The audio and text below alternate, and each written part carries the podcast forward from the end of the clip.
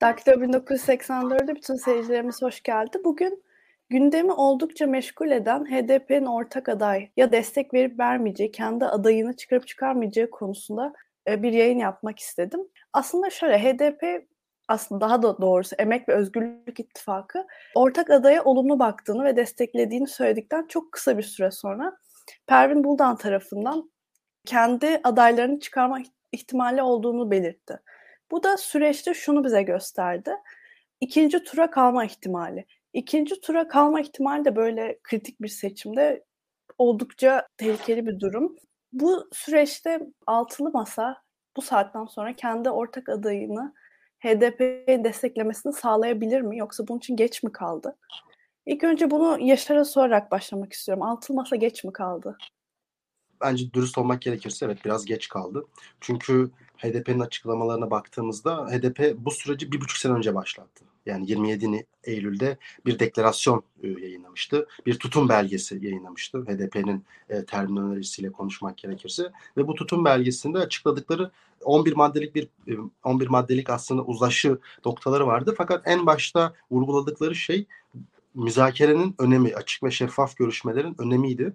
Şimdi bir buçuk ay, bir buçuk sene geçti ve biz bu süreçte nasıl bir ilerleme olduğuna baktığımızda hala altılı masanın HDP ile HDP'nin istediği açık ve şeffaf müzakerelere başlamadığı, çok böyle tevatürler üzerinden yürüyen, işte masa altı diplomasileri üzerinden bir iki partinin yürüttüğü bir diplomasi vardı. İkincisi bence e, bu tartışmaları daha da böyle dramatikleştiren şey altılı masanın bu derece çekingenliğine rağmen geçtiğimiz Kasım ayında işte AK Parti'nin HDP ile anayasa taslağı için görüşmesiyle o zaman hatırlarsınız şu tartışmalar yapmıştık. Yani bu şeytanlaştırmaya başlatan, siyasetin dışına HDP itmeye çalışan parti AK Parti ve e, Milliyetçi Hareket Partisi, Cumhur İttifakı. Fakat onlar dahi yeri geldiğinde siyasi pragmatizm için veya herhangi bir sebepten ötürü HDP ile görüşebiliyorlar. Aynı aslında cesareti altılı masadan görememek, altılı masanın iktidarın çizdiği oyun alanında oynadığı hissini pekiştirmiştim. Fakat bence üçüncü şey şu oldu. Bu süreçte HDP yönelik baskılar arttı.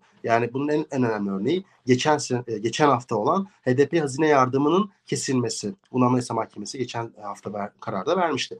Aynı gün altılı masanın bir toplantısı vardı. Gelecek Partisi başkanlığına toplanan. Biz o açıklamada en azından HDP'nin ismi geçmeden de bir şekilde partilerin işte bağımsızlığı, onların engellenmemesine yönelik bir tutum da görmedik. Dolayısıyla ben burada üç aşamalı bir sıkıntı görüyorum. Yani birincisi bir buçuk sene önce HDP'nin açıkladığı tutum belgesine herhangi bir adım atılmamış.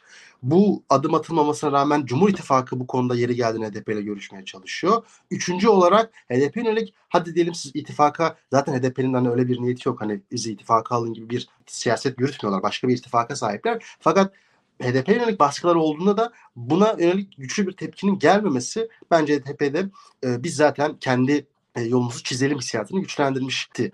Dün Mithat Sancar'ı dinlediğimde şunu fark ettim. O zaten uzun bir süredir bu adalet çalışmalarını yürüttüğünü söylüyor. Hatta e, şimdi burada şöyle bir durum var. HDP ilk işte bu Pervin Buldan olayı ilk gündeme düştüğünde şu tartışıldı. HDP aslında siyaset yapıyor ve altılı masayı kendi yanına doğru çekmek istiyor. Kendisine bir aktör olarak dinlenmesi gerektiğini diğerlerine bu mesajı veriyor. Şimdi bunlardan bu yorumlar o kadar yapıldı ki muhtemelen HDP'nin kozu zayıfladı. Yani çünkü eğer karşınızdaki aktörün koz yaptığını, bunu herhangi bir kendi elini güçlendirmek için yaptığını farkında olursanız aslında bu kozu gördüğünüzü ve belki de bu kozu e, yönelik hamle yapmamanızı sizi itebilir. Dolayısıyla HDP mesela dün daha sertti bu konuda. Yani evet aday kesin çıkaracağız. İşte vakti veremiyoruz ama hani biz bu konuda kesin kararımızı verdik. İşte bir ay önce bunu zaten başlatmıştık gibi. Onlar da kendi kozlarını tekrar yükselmeye başladığını görüyoruz. Şimdi burada geç mi kalındı? bu uzun belki biraz girizgahtan sonra senin direkt soruna cevap vermek gerekirse bence hala muhalefetin elinde birkaç nokta var. Bunlardan birincisi özellikle bu hazine yardımı ve HDP'ye yönelik baskıları demokrasi perspektifinden kurabilecekleri bir anlatıyla hala HDP'yi yanlarına çekebileceğini düşünüyorum. İkincisi bence e, muhalefet adayı üzerinde Hani bu kim olacak tartışmasında işte zaten üç isim dolanıyor. Yani işte Ekrem İmamoğlu, Mansur Yavaş, Kemal Kılıçdaroğlu. Bazıları buna Meral Akşener ekliyor ama e, emin değilim. Şimdi bu üç isim üzerinden muhtemelen hani en yakın insanlar Ekrem İmamoğlu ve Kemal Kılıçdaroğlu. Fakat Ekrem İmamoğlu'nun üzerine bir e, yargı kararı var. Bu da tartışmaları daha çetrefilli bir hale getiriyor. Fakat Kemal Kılıçdaroğlu adayı tartışmaları yoğun bir şekilde ilerlerken ve muhalefet bunun için kendi içerisinde bir ihtilafa düşmüşken tekrar bunu güçlendirebilir mi? Bundan emin değilim. Fakat buradaki en önemli şey HDP'nin muhalefete de baktığımda, ana akım muhalefete baktığımda şunu görüyorum. Onlar zaten kendi içerisinde bir konsensus ulaşmış değil. Muhtemelen hani aday tartışmaları yeni başladıklarını söylüyorlar. Dolayısıyla yetişebilir mi? İşte HDP bir müzakere yapılabilir mi? Çok da emin değilim. Yani hala bence muhalefetin önünde bir alan var. Fakat önümüzdeki 52 şartlara baktığımızda işte hem zaman kısıtlaması hem muhalefetin kendi içerisinde duyduğu yani kendi içerisinde girdiği itiraflara baktığımızda ben bunun zor olduğunu düşünüyorum. Burada ikinci tur oynanabilir. HDP'nin ikinci turda aslında koşulsuz destek vermesi için uygulanabilir. Burada hani son sözlerimi şöyle söyleyeyim. Bazı araştırmalar Mansur Yavaş olduğu senaryoda dahi Kürtlerin %70'inin neredeyse Mansur Yavaş'a oy verdiğini söylüyor. Bu bence önemli bir şey. Belki muhalefet bunu bir koz olarak kullanmak isteyecektir HDP'ye karşı. Fakat orada da şöyle bir soru işareti oluyor. Birincisi HDP bu konuda bu arada bu bahsettiğim %70 rakamı geçen yaza ait. Bu rakam kimi araştırmalarda şu an %54, %49'a kadar düşmüş. Dolayısıyla burada da aslında gittikçe azalan bir katılım da olabilir Kürtler açısından ikinci turda. Ve HDP'nin mesela burada aktif bir tutum almaması belki bu rakamı daha da düşürebilir. Daha fazla sandığa gitmem Kürt seçmen yaratabilir. İkincisi muhalefetin tamamen sağda olması hem Kürt seçmen hem altılı masa ve bütün siyasi partilerin beraber bir mobilizasyon yapması aslında bence daha güçlü bir sinerji yaratabilir. Dolayısıyla burada sadece oy üzerinden değil aynı zamanda bir sinerji üzerinden aynı zamanda muhalefetin hep beraber sahaya inmesi ve Cumhur İttifakı üzerine bir baskı kurması üzerinden de değerlenmemiz gerek değerlendirmemiz gerektiğini düşünüyorum. Teşekkür ederim Yaşar. Şimdi Enes ben sana iki taraflı bir soru soracağım. Bu saatten sonra altılı masa şunu yapar mı? Yani HDP'yi tekrar kazanmaya dair bir atılım yapar mı? İkincisi de HDP şu an hayal kırıklığına uğradığını görüyorum altılı masaya dair. Bunlar düzelebilir mi? Yani bu hayal kırıklığının ve işte boşlanmışın üstünü kapatmaya HDP hazır mı? Sen nasıl görüyorsun? E, bence orada Pervin Buldan'ın açıklamasındaki şu anki vurgusu çok önemliydi. Çünkü HDP'nin şu anki kararı aday çıkartma yönündedir dedi. Orada o pazarlık kapısını da çok açık bıraktı aslında. Yani sosyal medyada gördüğümüz bazı analizlerde sanki artık bu iş olmuş bitmiş, seçim kesin ikinci tura kalmış, işte muhalefet kesin kaybetmiş gibi ciddi bir karamsarlık havası var. Bence ee, Pervin Buldan el mi yükseltiyor? Yani bu, bu da var tabii ki ama az önce Yaşar'ın söylediği şey önemli. Yani bunu sadece e, işte el yükseltme olarak baktığımızda da karşı tarafın bu sefer kozu da ortadan kalkmış oluyor. Şimdi burada şöyle bir mesele var bana öyle geliyor. Şimdi biz HDP'ye sürekli işte siyaset öğretmeye çalışıyoruz genel olarak. Diyoruz ki yani bakın işte böyle yaparsanız şöyle olur. Ee, biz derken buradaki konuşmacıları kastetmiyorum tabii. Siyaset bilimiyle bir şekilde ilgilenen insanların bir kısmı diye açayım.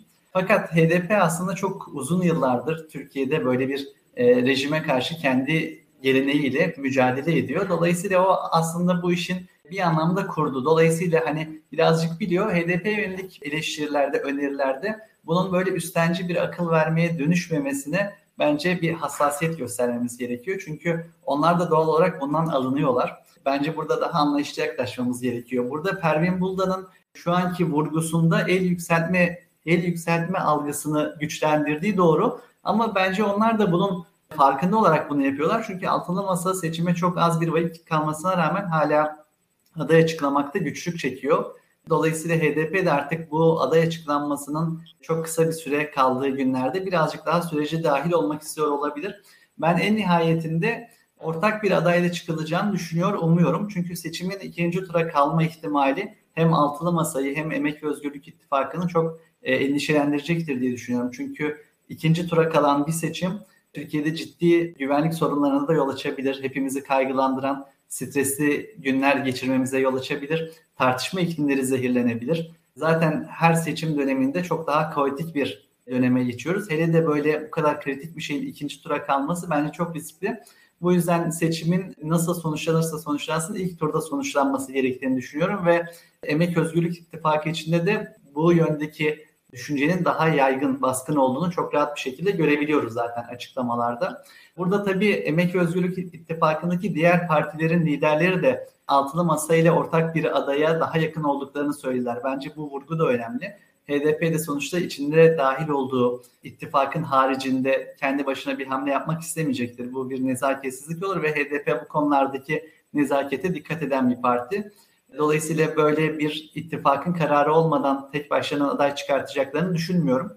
Burada tabii Altılı Masa'nın aday çıkartırken HDP ile alakalı görmezden gelmemesi lazım. Çünkü Altılı Masa Türkiye'de şunun anlaşıldığının bir örneğiydi. artık başkanlık sistemiyle Türkiye'de iktidar olabilmek için veyahut da iktidar değiştirebilmek için veyahut da bu sistemi değiştirip farklı bir seçim sistemine geçmek için çok beğenmediğimiz insanlarla da işbirliği yapmak zorundayız. İşte benim beğenmediğim kişi başka birisi olabilir, onunkisi başkası olabilir fakat en nihayetinde bir işbirliği şartı var. Dolayısıyla HDP'yi de çok beğenmeyen altılı masa temsilcileri olabilir ama bir şekilde ittifak yapmanın bir gerçeklik olduğunu anlamamız gerekiyor. Haklı olabiliriz, mutlu olabiliriz ama günün sonunda kaybettiğimizde böyle çok onurlu, çok mutlu ama çok yenilmiş insanlar oluruz. Yani burada biraz bu haklılık kaygısını bırakıp bir parça daha pragmatik düşünmenin faydalı olduğunu düşünüyorum. O yüzden altılı masanın geç kalmadığını ve hala bir ortak adayda uzlaşılabileceğini düşünüyorum.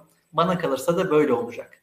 Peki şey katılır mısın Enes? Yani altılı masa önce kendi içerisinde bir birlik oluşursa yani şu kopuklukları çözerse HDP ile uzlaşabilir. Yani önce bir kendi içerisindeki tartışmaları bitirmesi mi lazım sana göre ne dersin?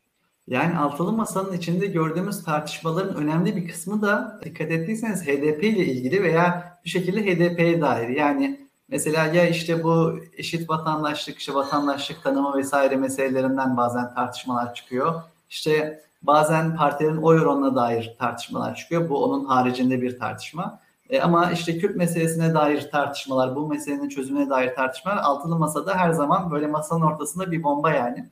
Dolayısıyla böyle önce aramızda çözelim sonra yabancı ile konuşalım kısmı sanki çok mantıklı değil. Çok kimseyi yabancı görmeden biraz beraber çözmek mantıklı, mantıklı gibi geliyor bana. Yani önce bir aralarında uzlaşsınlar sonra gitsinler bak biz bu, bunda uzlaştık sen ne diyorsun desinler fikri bana çok mantıklı gelmiyor. İlkan abi ya ben sana şunu da sormak istiyorum. Mesela iktidar başörtüsü yasası gibi konularda HDP ile oturabiliyor ve gayet işte yasal bir parti olduğunu, mecliste resmi bir parti olduğunu belirterek fotoğraflar verebiliyor. Fakat bunu aynı performans biz altılı masadan göremiyoruz bu esnekliği. Neden olmuyor? Altılı masa bunu niye yapamıyor? İktidar tabii ki e, söylem dayatabiliyor. Söylemi kuruyor iktidar. Muhalefetse o söylemin içerisinde sınırlar içerisinde hareket etmek zorunda kalıyor. Bakarsanız Tayyip Erdoğan Türkiye'deki tüm aktörlerle, dünyadaki tüm aktörlerle hem çatıştı hem barıştı. Ve bunların hepsini aynı çizgideyken yapabildi. Muhalefet ise kendi politikasını sergileyemedi. Ben burada herhangi bir e, hareketin iyi ya da kötü olduğunu söyleyemiyorum ama karşımızdaki Erdoğan'ın herkesle gerektiği anda barışabildiğini, gerektiği anda çatışabildiğini görüyoruz. Bunu muhalefet de yapabilmeli bence. Kendi söylemini kurabilecek olsa yapabilirdi. Şu an muhalefet aslında kendi söylemini kendi e, hedefleri için bir araç olarak kullanmaktansa bazen kendi söyleminin kölesi olabiliyor diye düşünüyorum. Orada muhalefette genelde böyle bir durum var. Bu, bu muhalefetin kategorik olarak içinde kaldığı bir kutu belki bir hani zindan belki de yani öyle söyleyebilirim.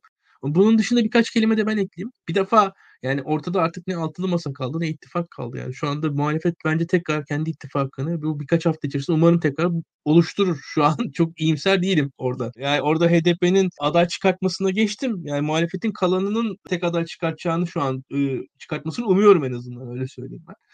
Şu an şartlar muhalefet için iyi değil. Yani benim gördüğüm kadarıyla gayet sıkıntılı bir durumdayız. Ve benim açımdan şu var. Bir defa muhalefetin net bir şekilde kaybedeceği bir seçimde HDP'nin kendi adayıyla seçime girip kendisini göstermesi mantıklıdır HDP açısından.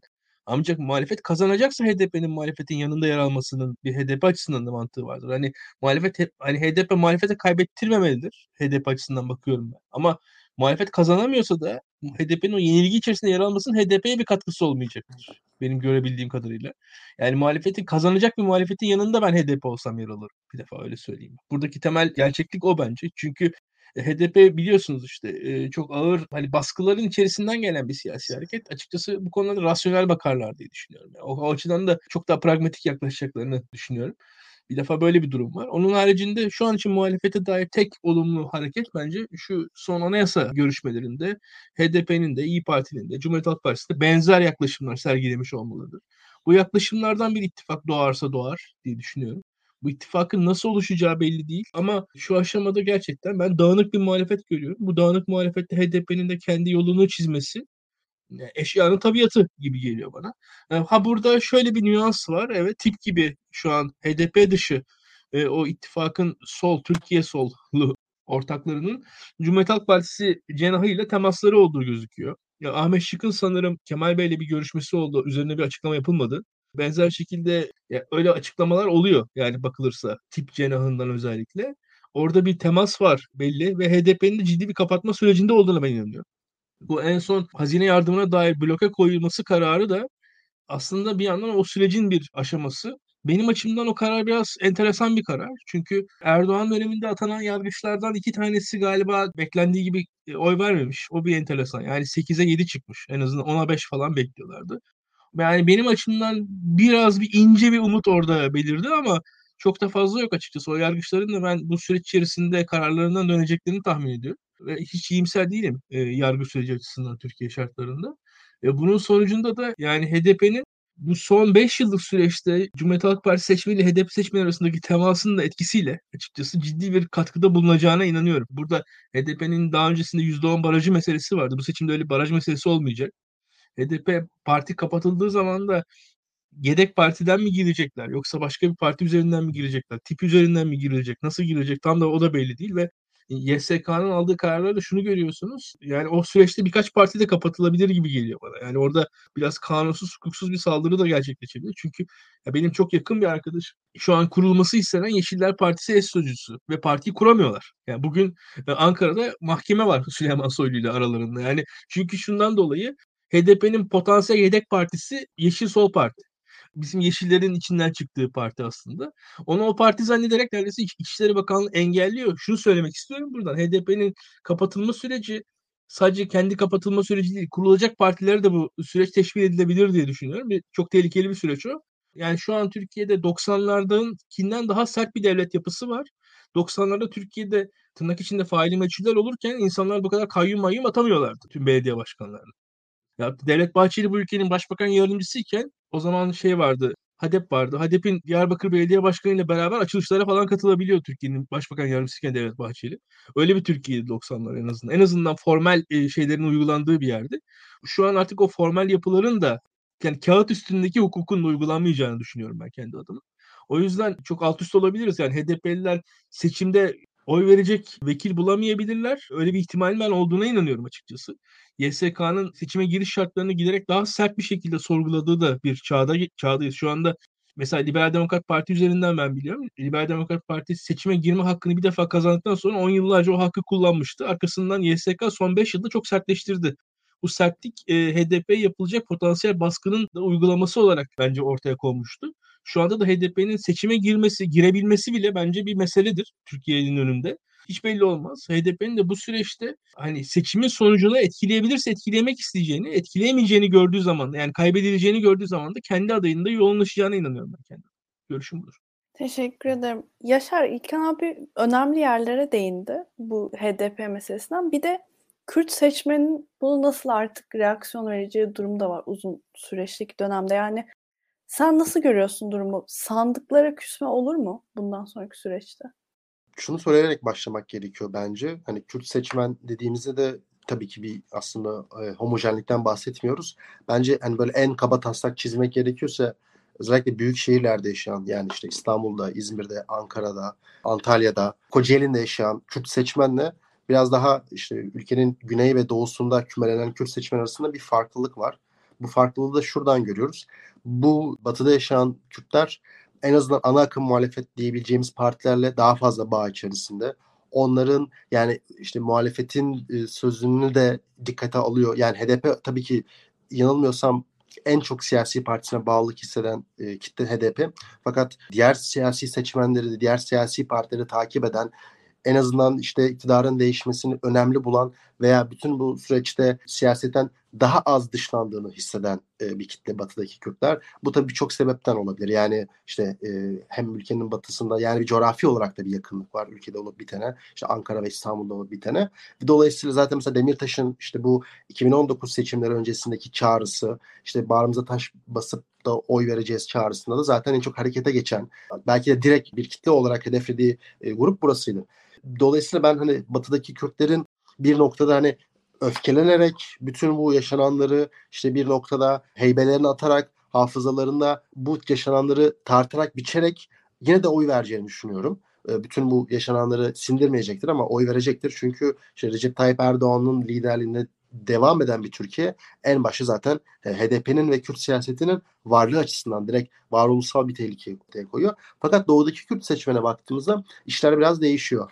E, mesela bütün bu Hendek Savaşları neticesinde oy değişimlerine baktığımızda ve tabii ki Hendek Savaşları'nın ardından yaşanan işte oy taşıma vesaire mevzularında bir HDP'nin bazı yerlerde oy kaybettiğini görmüştük. Doğudan bahsediyorum. İkincisi seçime katılımın azaldığını görmüştük. Dolayısıyla burada şimdi AYM'den bir e, parti kapatma çıkabilir, iki siyasi yasaklar çıkabilir, üç diğer partilerin kapatılma ihtimali de olabilir. Şimdi burada bu ne kadar ilerlenecek bilmiyoruz. Mesela siyasi yasaklar gelirse, işte diğer partilerin kapatma imkanı gelirse muhtemelen HDP'nin veya Kürt siyasetinin mobilizasyon gücü de kırılacaktır. Şimdi bu zaten bir kere seçmeni seçime götürmek, seçmeni seçim için heyecanlandırmak, onlara bu durumu anlatmak, işte 4-5 senedir belki hem medyatik imkanlarınızdan olmamasından dolayı, elinizden belediyelerinizden alınmasından dolayı kaybettiğiniz veya devam ettirmekte zorlandığınız duygusal bağları tekrar canlandırmanın zor bir noktası olur. İkincisi bütün bu yaşananlar neticesinde altılı masanın veya işte Allah muhalefetin HDP yeterince destek vermemesinden ötürü başka bir kırgınlık oluşabilir HDP seçmenlerinde bence bu zaman içerisinde oluşan tablo şu. E, demin de ben konuşmamda örnek vermiştim. Bu işte yazın işte neredeyse Mansur Yavaş'a %70 oy vereceğiz yani Kürtlerin önce %54'e sonra %49'a kadar düşmesi bana bir şeyi gösteriyor. Birincisi hani burada HDP'nin böyle istemsiz tutumu da seçmenini etkiliyor. Çünkü onlar da bir mesaj aslında. Yani e, Mansur Yavaş olmasın başka biri olsun. Dolayısıyla bence HDP seçmeni etkiliyor. Fakat bence burada daha önemli bir olay var. O da şu muhalefetin bu konudaki tutumu. Yani bence özellikle Kürt seçmeninin düşündüğü şeylerden biri hani biz muhalefetin de umurunda değiliz. Demin Enes güzel bir şey söylemişti. Yani HDP seçmenine siyaset öğretmek ya da işte onlara e, ha, parantez içerisinde ya da tırnak içerisinde hadleri bildirmek diyebileceğimiz bir e, durum mu oluşuyor? Siz zaten hani oy çıkarmak aday çıkarmak sizin lehinize. Sizin yapacağınız tek bir şey var. O da muhalefete oy vermektir. Tarzındaki tutumlar bence zaten Kürt seçmeni tarafından görülüyor. Ve bu sahip çıkmama, bu desteklenmemenin karşılığı da hani siyaseten ne var canım? Yani Erdoğan gitse yerine başka biri gelse ve Kürt siyasetinde çok mu bir şeyler değişecek? Çok mu özgürleşeceğiz? Onlar da zaten bu konuda hiç herhangi bir şey önermiyor. Daha şimdiden cepte 6 milyon oy gibi görüyorlar. Bizi sadece bir matematiksel hesabın içine katıyorlar ve bu insanların da demokratikleşmeyle ya da işte herhangi bir müzakereyle herhangi bir ilgileri yok tarzında hissiyatları yaratıyor. Dolayısıyla bence burada en önemli şeylerden biri muhalefetin ne kadar HDP'nin yanında olduğu, HDP'nin de ötesinde e, bu Kürt siyasi hareketinin ne kadar yakında olduğunu hissettirmesi bence. E, çünkü seçmende yavaş yavaş o iletişimsizliğin, o uzaklığın etkilerini gördüğümüzü düşünüyorum. Teşekkür ederim. Durumu çok iyi özetledin. Enes ya ben sana şey soracağım. HDP'nin üzerindeki bu baskıları genel Türkiye'de bu nasıl etkiler? Yani atmosfer ne şekilde şekilleri bundan sonraki süreçte? Yani şimdi tabii Türkiye'de özellikle bu çözüm sürecinin bittiği dönemden beri güvenlikçi söylem ciddi yükseliyor ve insanlardaki HDP karşılığının algısal olarak değişimini son yılda çok rahat görebiliriz. Yani bunu bir televizyon dizisinden de görebiliriz. Herhangi bir işte ünlü bir şarkıcının vesaire söylemlerindeki değişimden bile görebiliriz. Sokakta da çok rahat görebiliriz. Fakat burada artık bu söylem yorulmaya başlamış olabilir. Şimdi bu tabii ki e, ölçülüp gözlemlenebilecek bir şey değil. Bunu bir ölçümle gözlemle söylemiyorum. Belki biraz umutla da söylüyor olabilirim. E, biraz temenni olabilir bu. E, ama bu, bu hissimi paylaşmak istiyorum. Şimdi son yıllarda Türkiye'de vatandaşların çoğu devletin hukuksuz davranacağı kanısına tekrar kapıldı. Şimdi hatırlarsanız 15 Temmuz'dan sonra Cumhurbaşkanı görev onayı tekrar zirveye yükselmişti ve insanların devlete karşı bakışları tekrar çok daha olumlu bir seviyeye gelmişti. Ama özellikle ekonomik kriz vesaire gibi şeyler de insanların devletle arasındaki duygusal bağı da muhtemel ki birazcık daha kırmış olabilir.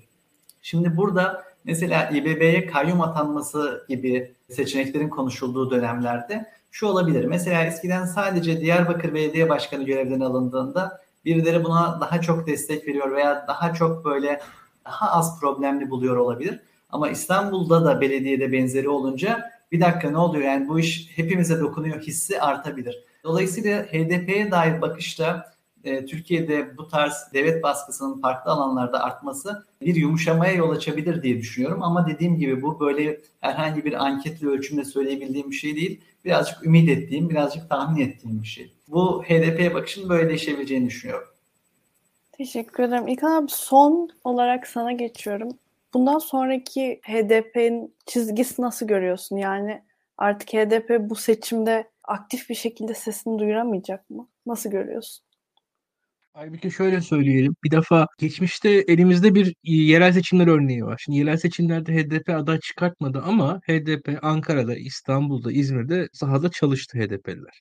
Nasıl çalıştılar? Orada aslında bu meclis üyesi adaylarını gösterdiler. Onun için aslında kampanya için sahaya indiler ve sahada da etkin oldu. Yani şu gerekiyor HDP'nin seçmeni evet politize, evet Türkiye'nin kalanından politize ama siyasi parti örgüt diye bir şey var. Parti örgütü diye bir şey var. Bunların sokakta hareket etmesi lazım ve seçmeni mobilize etmesi lazım. Teknik olarak sizin sandıkta oy alabilmeniz için ki zaten hatırlıyorsunuz bir önceki seçimlerde bağımsız adaylarla girdikleri zamanlarda yani bir ilde 5-6 tane bağımsız adaya ayrı ayrı oy vermeyi organize edecek kadar bir örgütlülük gerekiyordu mesela. Diyarbakır'da farklı farklı seçmenlerin bir kısmını bir adaya bir diğer kısmı diğer adaya yönlendirecek bir kapasite gerekiyordu. O kapasite var bu partide.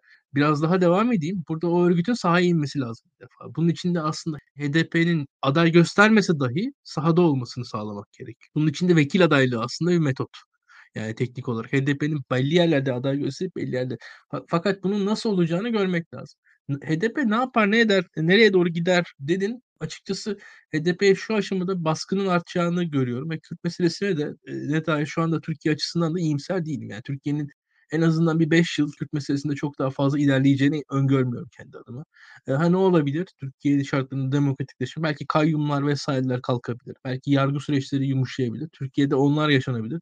İşte atıyorum silaha dokunmamış insanların hapisten ayrılması, hapisten çıkması sağlanabilir Türkiye'de. Maksimum bunlar sağlanabilir diye öngörüyorum. Daha fazlasını Türkiye'de şu şartlarda sağlanmasını zor görüyorum. Türkiye'de Türkiye başka bir yer oldu artık. Yani 5-10 yıl öncenin Türkiye'si değil bu anda. Bu başka bir Türkiye olursa tabii değişir ama şu anda kısa vadede açıkçası fazla iyimser söylemlerin de bir faydasının olduğunu düşünmüyorum.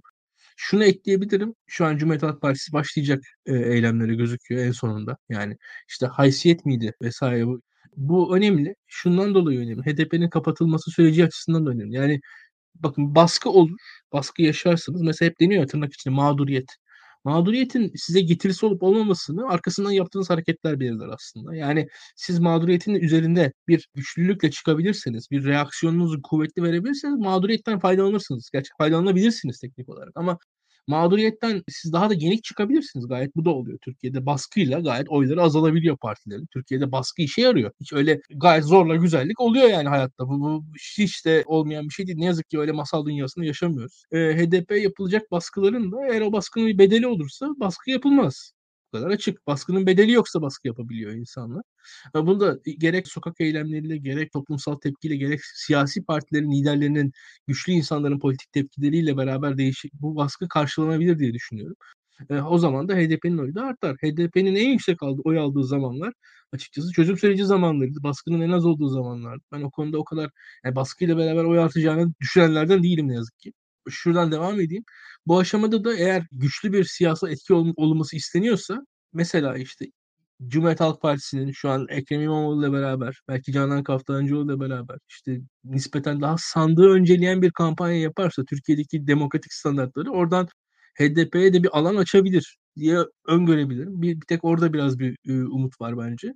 Onun dışında da çok umut yok açıkçası. Yani şu anda muhalefet dağınık durumda. E, ciddi anlamda bir e, mobilizasyon gerekiyor ki işte buna karşı biz ne diyoruz? Muhalefetin mesela ortak liste çıkartması gerektiğini söylüyoruz değil mi? Mesela ortak liste çıkartsın muhalefet tamam çok güzel ama ortak listede oy verecek insanlar lazım. Bu insanları ortak listeye oy vermeyi nasıl ikna edeceksin? Siyasal motivasyonla ikna edeceksin. Şu anki dağınık halde mesela ortak liste çıksa da işe yaramaz. İnsanları ortak listeye oy verecek motive hale getirmek lazım. İstanbul'da bu nasıl sağlandı? Hepimizin aklında aslında. Yani 3 ay içerisinde belli bir motivasyonla yüzde işte 48'den neredeyse 48-49'dan 54'e çıkabildi oylar. Demek ki bir ortak liste motivasyonu sağlanabiliyor insanlara. O sandığa gitme. Ben e, o süreçte çok da fazla AKP'li dindar seçmeninin Ekrem İmamoğlu'na oy verdiğini düşünmüyorum kendi adıma. Aksine Ekrem İmamoğlu'na bir şekilde oy verme, vermeyen nispeten muhalif seçmenlerin onda bir sıkıntı gören hem dindar kökenden gelen hem milliyetçi kökenden gelen hem işte Kürt kökeninden gelen hem Atatürkçü olan kimi seçmenlerin o e, kendi kaygılarını, kendi çekincelerini ikinci plana atıp oy verdiklerini düşünüyorum ikinci seçimde. Buna benzer bir e, motivasyonu sağlaması gerek muhalefetin. Bu sağlanırsa HDP açısından da olumlu olur diye düşünüyorum. Teşekkür ederim. Hem de seyircilerimize de aynı zamanda teşekkür ederim. Yayınlarımızı beğenmeyi ve paylaşmayı unutmasınlar. Haftaya görüşmek üzere. Thank you.